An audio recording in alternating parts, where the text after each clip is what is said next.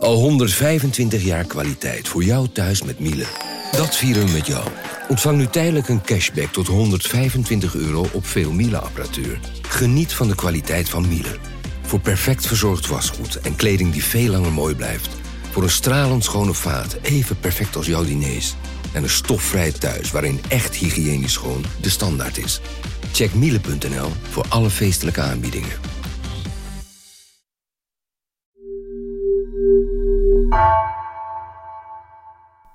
Is zaterdag en toch een update van ons.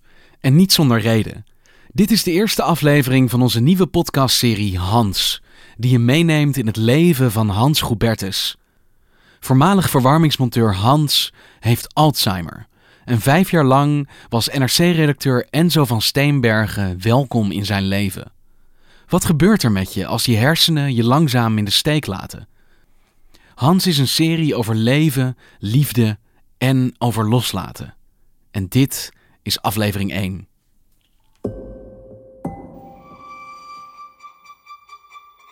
Wat gebeurt er met je leven als je iets opeens niet meer kan? Ik kon, ik kon heel goed eh, zwemmen.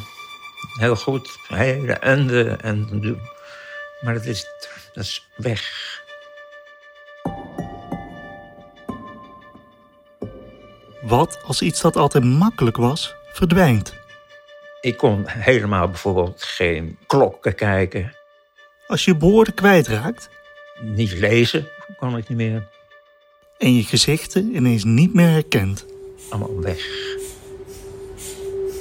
Ik, ik wist niet wat er aan de hand was. Goedemorgen. We gaan een MRI maken van het hoofd. Blijft u stil liggen. De volgende scan duurt 4 minuten.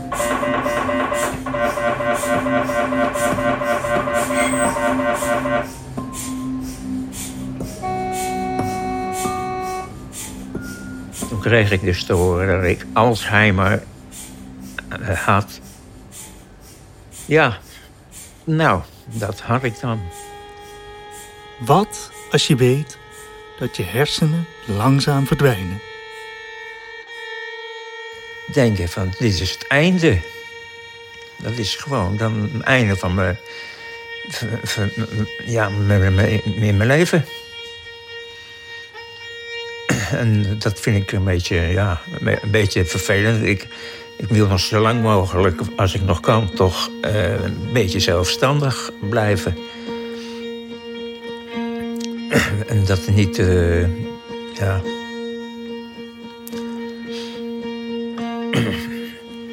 Dat, eh, dat weet ik nog niet precies wat hoe het afloopt.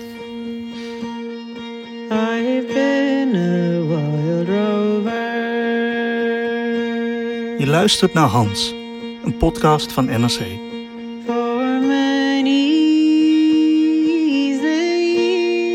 Ik ben Enzo van Steenbergen en al jarenlang kom ik over de vloer bij Hans Goubertus, een verwarmingsmonteur uit Amsterdam. In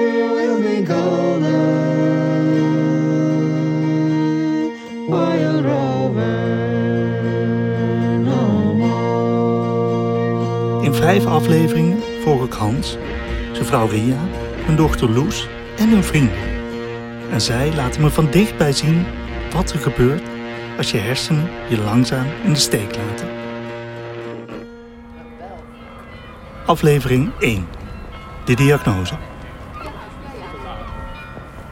Tussen het Centraal Station van Amsterdam en de Wallen in, waar massa's toeristen richting het centrum wandelen, ligt een Nieuwmarktbuurt. Ik word binnengelaten in een hoog herenhuis. En als ik hier kom, moet ik altijd drie smalle, steile trappen op. Meestal als ik midden op de trap ben, hoor ik Hans al roepen. Hallo. Lang geleden. We gaan zitten aan een grote tafel in een smalle keuken. Ik ben hier vaker geweest, want ik heb Hans en Ria ontmoet tijdens mijn werk als verslaggever voor NRC. Ik ben hier met Nina en Mirjam. Zij doen de techniek en we maken deze podcast samen. Hans krijgt een microfoontje en hij weet al snel hoe het allemaal werkt. Wel, Hans, alle microfoons worden weer uitgepakt. Ja, het wordt weer eh, een dradenfestijn. Draadje, weer een draadje. Nou, Jij krijgt zo weer een draadje, ja. Oh, ja, ik heb- ik heb meer, meer draadjes. Mag ik jou zo weer een microfoontje geven, Hans? Ja hoor. staat hier eh, koffie en hier staat thee. En koekjes. Misschien moet hij even rond. De vrouw met de thee en de koekjes, dat is Ria. Hans, heb je al een koekje genomen? Ik, ik heb nog geen koek. Ik ben Ria. En eh, eh, al heel lang eh, wonen we samen, Hans en ik. Ik heb een architectenbureau gehad. Inmiddels is het gesloten. Ik ben Hans. Hans kijkt me aan van achter zijn ronde bril. Hij heeft grote, ruwe handen die hij even op zijn kale hoofd legt als hij nadenkt. Wat ik heb gedaan, ja, verwarmings- en installeren. Ja, ja, dat heb ik gedaan. Als Hans een slokje wil nemen van zijn thee, valt me op dat Ria het kopje een beetje dichterbij schuift, zodat hij er beter bij kan. I'm sorry? He's a friend of mine. Oh, you know each other, do you? Just uh, passing through? Het begon met eh, de ondertiteling van de tv niet meer kunnen lezen. Dat was te snel weg. En, ja, en wat Hans ook vaak vertelde, een boek lezen. Hè, altijd Ja, weer ja. een boek aan het lezen Ja. voor het slapen gaan. En nou, op een gegeven moment kwam hij er niet meer in verder. Iedere keer dezelfde bladzij lezen en het boek uiteindelijk ook niet meer uit kunnen lezen. Dat, was, eh, dat Oh, waren ja. duidelijke kenmerken. Boek van, eh, hoe heet die? Dat Geert, laatste? Geert Mak. Geert Marx, ja. Dat was mijn laatste boek. Voordat ik Hans leerde kennen, dacht ik bij Alzheimer altijd aan mensen die hun geheugen kwijtraken en voor wie de persoonlijkheid helemaal verandert. Maar dat is bij Hans niet aan de hand. die vorm die Hans heeft, ik zal het even zeggen hoe het heet, posterieure corticale atrofie. Het is een zeldzame vorm van dementie. Bij Hans zijn de delen van de hersenen aangetast waarmee hij kan zien. Hij kan nog wel zien, maar iets vinden lukt hem niet meer. Ik zal een voorbeeld geven. Als Hans een pot mayonaise zoekt in de koelkast, dan kan hij die niet vinden. Ook al staat de pot recht voor zijn neus. Zijn hersenen verwerken de informatie niet meer goed. Ik kan... eh, eh, ik kan... Ik, ik, Hans kan ook niet meer zo goed praten. en, maar ik eh, kan gewoon, eh, als er zo'n nieuw, eh, dus een nieuw oor, eh, eh, Dat hoor je eigenlijk altijd. nummer. Want hij kan de juiste woorden vaak niet meer goed vinden. Ik, ik kan eigenlijk niet veel. De ziekte breidt zich snel uit in zijn hersenen. Hoe snel dat zou gaan en op welke manier, dat weten we nog niet. Hans en Ria weten alleen dat hij nu al heel veel niet meer kan. Hij kan geen foto's meer zien. Hij kan echt foto's totaal niet meer eh, begrijpen. Ik kan niet zoveel meer, helaas. Hij kan zelf dus al niet meer koken, maar, Nee, ook, nee, geen, ik ook helemaal niet meer. maar ook geen thee of koffie meer zetten. Kan niet meer. Echt niet meer. Lunchen in zijn eentje wordt ook al moeilijk. En, en daar komt bij dat hij natuurlijk steeds meer hulp nodig heeft. Dat, hij ste- dat ik hem steeds minder alleen kan laten. Het duurde best een tijdje voordat Hans begreep waarom er van alles niet meer lukte. Het kwartje viel pas toen hij de diagnose kreeg. Dat was in 2013. En ik kom thuis en ik begin te, te janken. Denk je van, dit is het einde.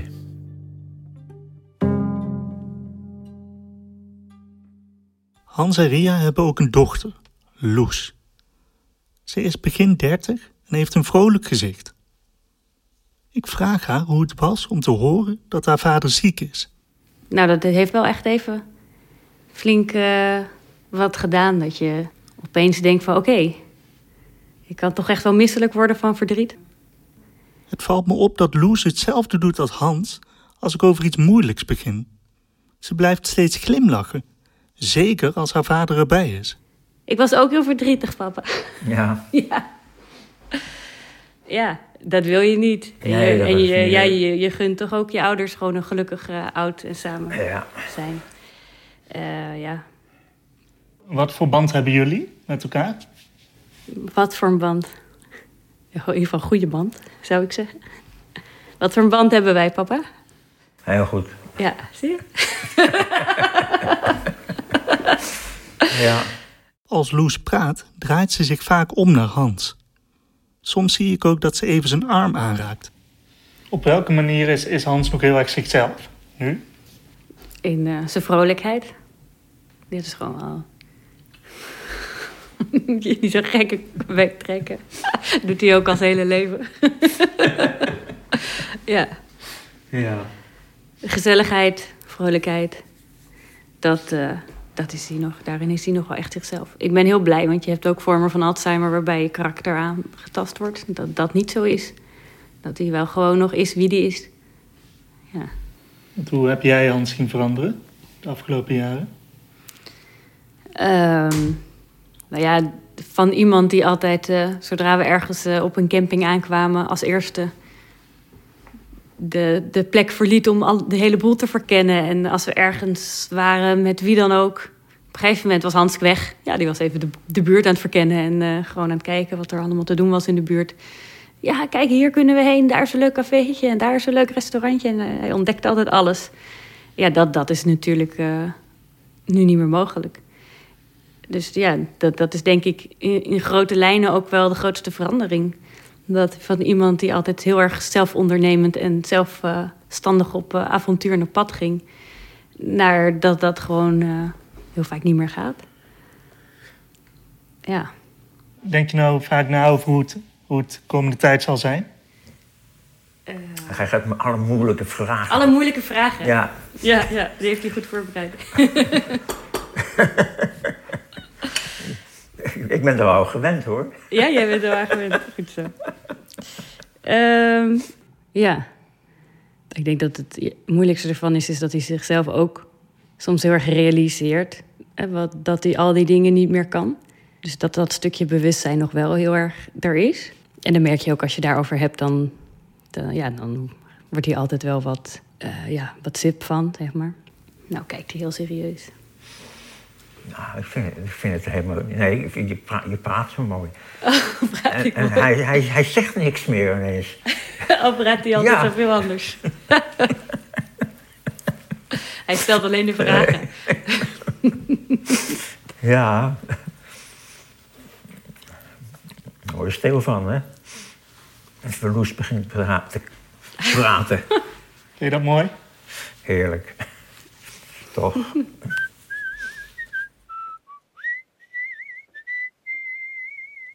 Soms gaat het bijna onmerkbaar voorbij als Hans iets niet meer lukt. Maar de andere keer verliest Hans iets waar hij maar moeilijk overheen kan komen. Zoals de woorden van zijn lievelingslied. Het nummer dat hij altijd en overal zong. Ja, de Wildrover. Die niet. Die, die niet meer. Die, die hoort bij het eh, gebeuren, rampengedeelte. Ja. The Wild Rover. Dat is Hans' lievelingslied. Hij zong het altijd bij het zangkoor waarmee hij elke week oefent.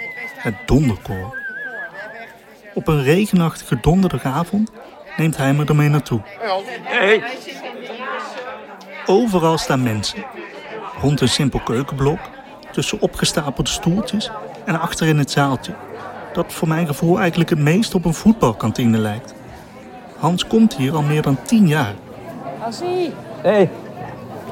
Ja, Roos. Roos zeg je natuurlijk helemaal niks. Wat? Roos heet ik. Roos? Maar dat zeg je natuurlijk helemaal niks. Nee. Nee. Nee. Er zijn zoveel mensen dat het me nogal veel lijkt voor Hans. Hij fluistert me inderdaad toe dat hij al die mensen eigenlijk nog maar moeilijk herkent. En ik zie dat de frons op zijn voorhoofd pas verdwijnt als ze gaan inzingen.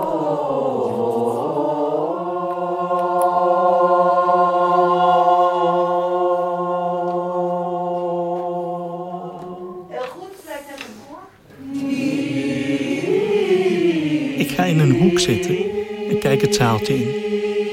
Ik zie een stuk of dertig mannen en vrouwen in een halve cirkel staan.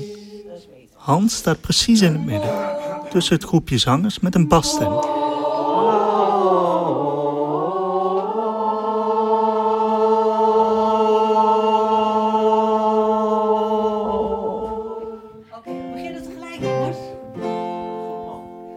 Toen je dacht, ik dragen, moest je sjouwen.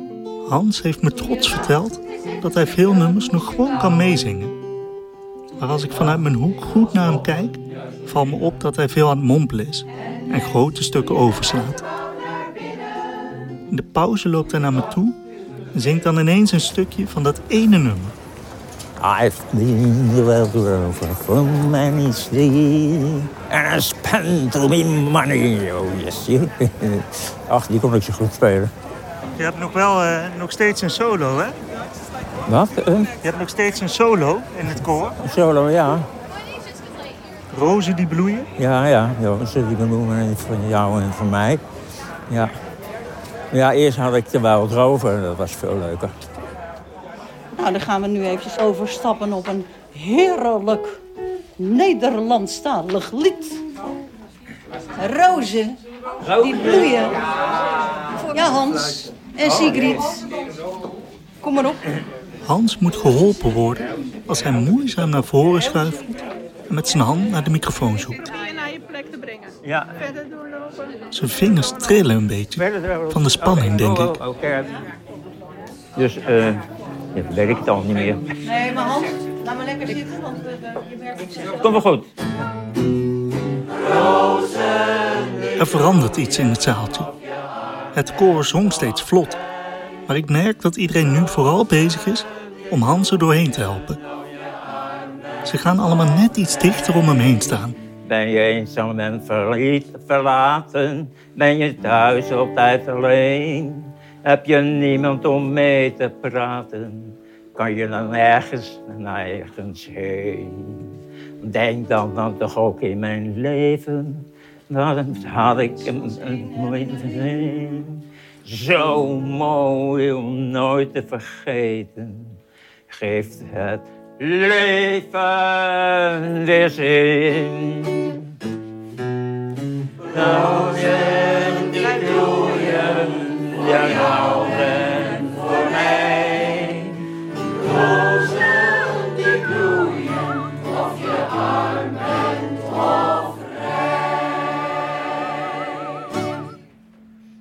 Ja.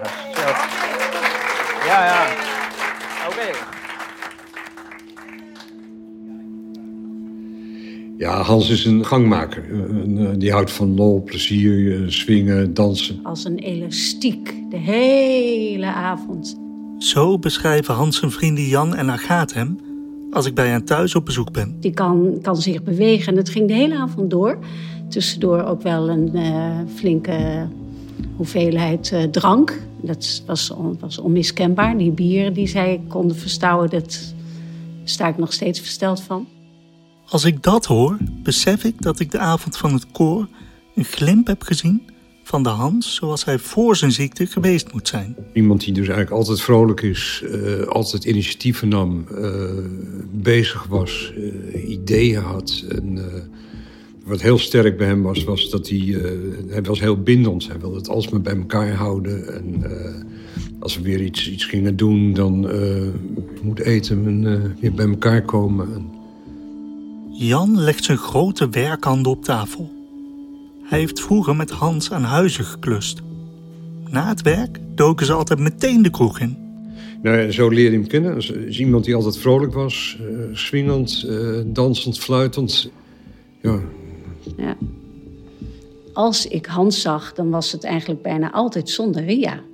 Dus dat waren naar mijn idee ook een beetje gescheiden levens die, eh, die zij hadden. Hans ging naar het café en Ria ging soms mee, maar lang niet altijd. En eh, ik denk vaker niet dan wel. En dat vind ik een van de, ook een, van de moeilijke dingen voor wat ik nu zie gebeuren. Die eh, gescheidenheid tussen die twee, dat is nu absoluut niet.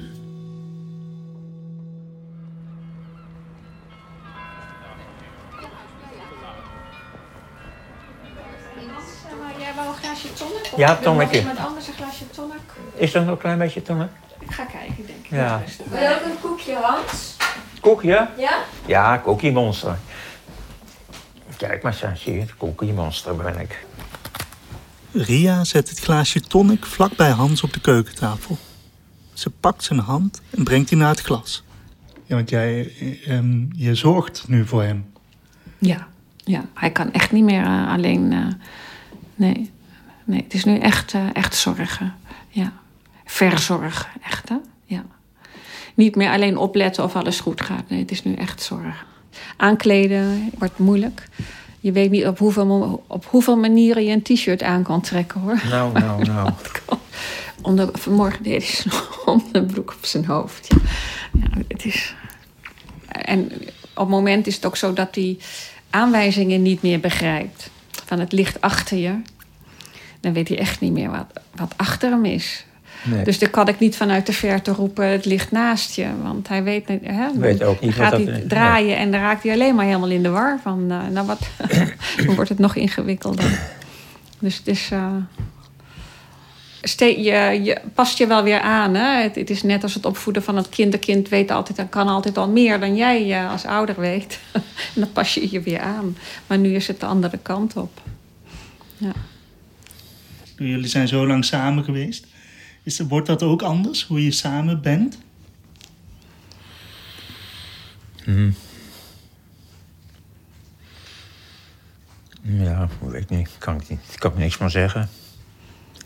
Nou, het is voor mij wel duidelijk heel anders. Ja. Voor jou wel. ja. En hoe, hoe is dat om, je- om je man te verzorgen? Ja, ja dat, je, groeit er zo in, hè? Is- Ja, een Ja. Beetje, beetje vechten ze nu en dan. ja, op zich. eh, het, het lastige is, eh, maar dat is ja. Ik, het is, ja, ik, ik heb geen verzorgend beroep gehad of zo. Het is niet waar ik mijn grootste eh, affiniteit mee heb met verzorgen, maar je, je krijgt het zo mee. Ja. Vind je het fijn dat Ria voor jou zorgt? Ja, ik, eh, ik vind het heel fijn dat ze dat doet. Eh, ja, eh, maar ik vind het een beetje ja, lastig. Ik zou het zelf willen doen, maar ja. Je vindt het lastig dat je het niet meer kan zelf. Ja, dat vind ik, ja, vind ik heel vervelend. Ja, zeker, ja. Ja. Ik heb het altijd gedaan. Het verbaast me bijna hoe zelfstandig Hans en Ria zijn geweest. Want zoals ik ze nu zie, met Ria die voor Hans zorgt, is het blijkbaar niet altijd geweest. We deden een aantal dingen samen, maar ook heel veel dingen gewoon ieder voor zich. Allebei onze eigen belangstelling. Ik krijg Hans niet mee naar een museum. Dat vindt hij gewoon helemaal. eh, maar dat is, eh, ja, dat is moeilijk om. eh, Want nu zijn jullie eigenlijk altijd samen. ja, heel veel. Ja. Ja. Hans dagen lijken veel op elkaar. Hij zit thuis, hij slaapt veel. En als het licht is buiten, maakt hij af en toe een wandelingetje. Ik kan me goed voorstellen dat hij verveeld raakt. Het lijkt me ontzettend frustrerend om zoveel te willen en steeds minder te kunnen. Hoe zie, hoe zie je eigenlijk de komende jaren? Nou, dat is wel een hele gemene hamvraag. Ik weet het niet. Er komt een moment dat hij niet meer thuis kan zijn. Dat is een van de dingen voor de komende jaren. Wanneer weet ik dan niet. En wanneer het moment zal zijn, weet ik ook niet. En eh, ik kijk niet graag naar de toekomst. Want ik, ik denk alleen maar van, oh, weet je, wa- wat zijn de grenzen? Wat gaat hij straks allemaal niet meer kunnen? Ja, maar ook omdat het ook heel langzaam... eh, ja, eh, gaat het steeds erger worden. En dus dan merk je ook niet zo gauw eh, dat het erger is. Maar, maar op een gegeven moment denk je toch... God, het is toch wel heel af, ja, veel erger geworden. In het begin wilde je ook, denk, ja, je wilde ook nog niet weten wat je allemaal te wachten stond. Was het toen echt zo van, eh, we leven maar van dag tot dag. Dat eh, was een beetje de instelling. Ja, ja.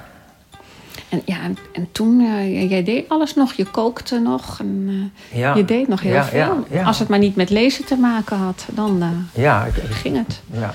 Dus ja, het Maar was nu- meer. Wat je verwarde was dat toekomstbeeld, wat in één keer heel anders eh, is. En eh, ja, Ja. Het is wel een soort donkere wolk die boven je hoofd hangt, zou Ja. ik maar zeggen. Dat eh, absoluut. Juist. Wat horen we nu? De tijd. is mijn klokkie. Als ik terugdenk aan dat gesprek, dan verbaas ik me erover hoe het leven van Hans in een paar jaar zou veranderen. Want in de vijf jaar dat we met elkaar optrekken, hebben we ontzettend veel plezier. Maar ik zag ook hoe zijn ziekte de relatie met Ria beïnvloedt. En dan hoor je verhalen van andere mantelzorgers. En dan denk ik, oh jee, nee, niet dat ook nog. Hè? Mensen die niet meer zindelijk zijn en dat soort dingen. Denk, nou, dat wil ik eigenlijk niet meemaken. Dat lijkt me echt verschrikkelijk. Hoe hun dochter Loes ermee omgaat. Sommige mensen nemen volledig de zorg op zich als kind eh, voor een ouder. Ik denk dat dat ook wel veel is, want dat betekent eigenlijk dat je heel veel andere dingen zou moeten laten. Hoe zijn vriendschappen op de proef worden gesteld. Hans, eh, ja, die moet bezig gehouden worden. Dus eh, moet, eh, eh, mensen moeten iets voor hem gaan doen en zo. Maar de andere kant is dan, eh, ja, wat, wat moet ik met hem doen? Want dan denk ik, ja, ehm, eigenlijk kan hij dat ook niet meer. Dus, En hoe de aftakeling Hans steeds meer in zijn macht krijgt. Het is een sluipmoordenaar. En, en dat is het. Een sluipmoordenaar. Ja. Want het wordt iets, eh, ja, het wordt steeds erger.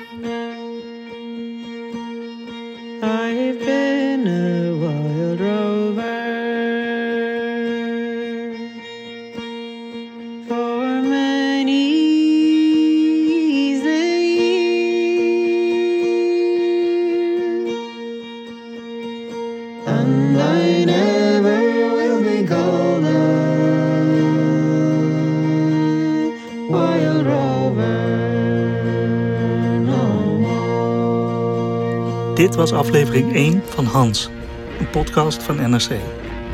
Deze podcast werd gemaakt door mij, Enzo van Steenbergen, door Nina van Hattem en Mirjam van Zuidam. De montage werd gedaan door Jan-Paul de Bond en door Nina. En zij schreef ook, samen met mij, de scenario's. Dit was aflevering 1 van onze vijfdelige podcastserie Hans. Luister de rest nu in de NRC Audio app. Of ga naar nrc.nl slash Hans. Technologie lijkt tegenwoordig het antwoord op iedere uitdaging. Bij PwC zien we dit anders. Als we de potentie van technologie willen benutten, kunnen we niet zonder een menselijk perspectief. Human-led, tech-powered noemen we dat. Ga naar pwc.nl.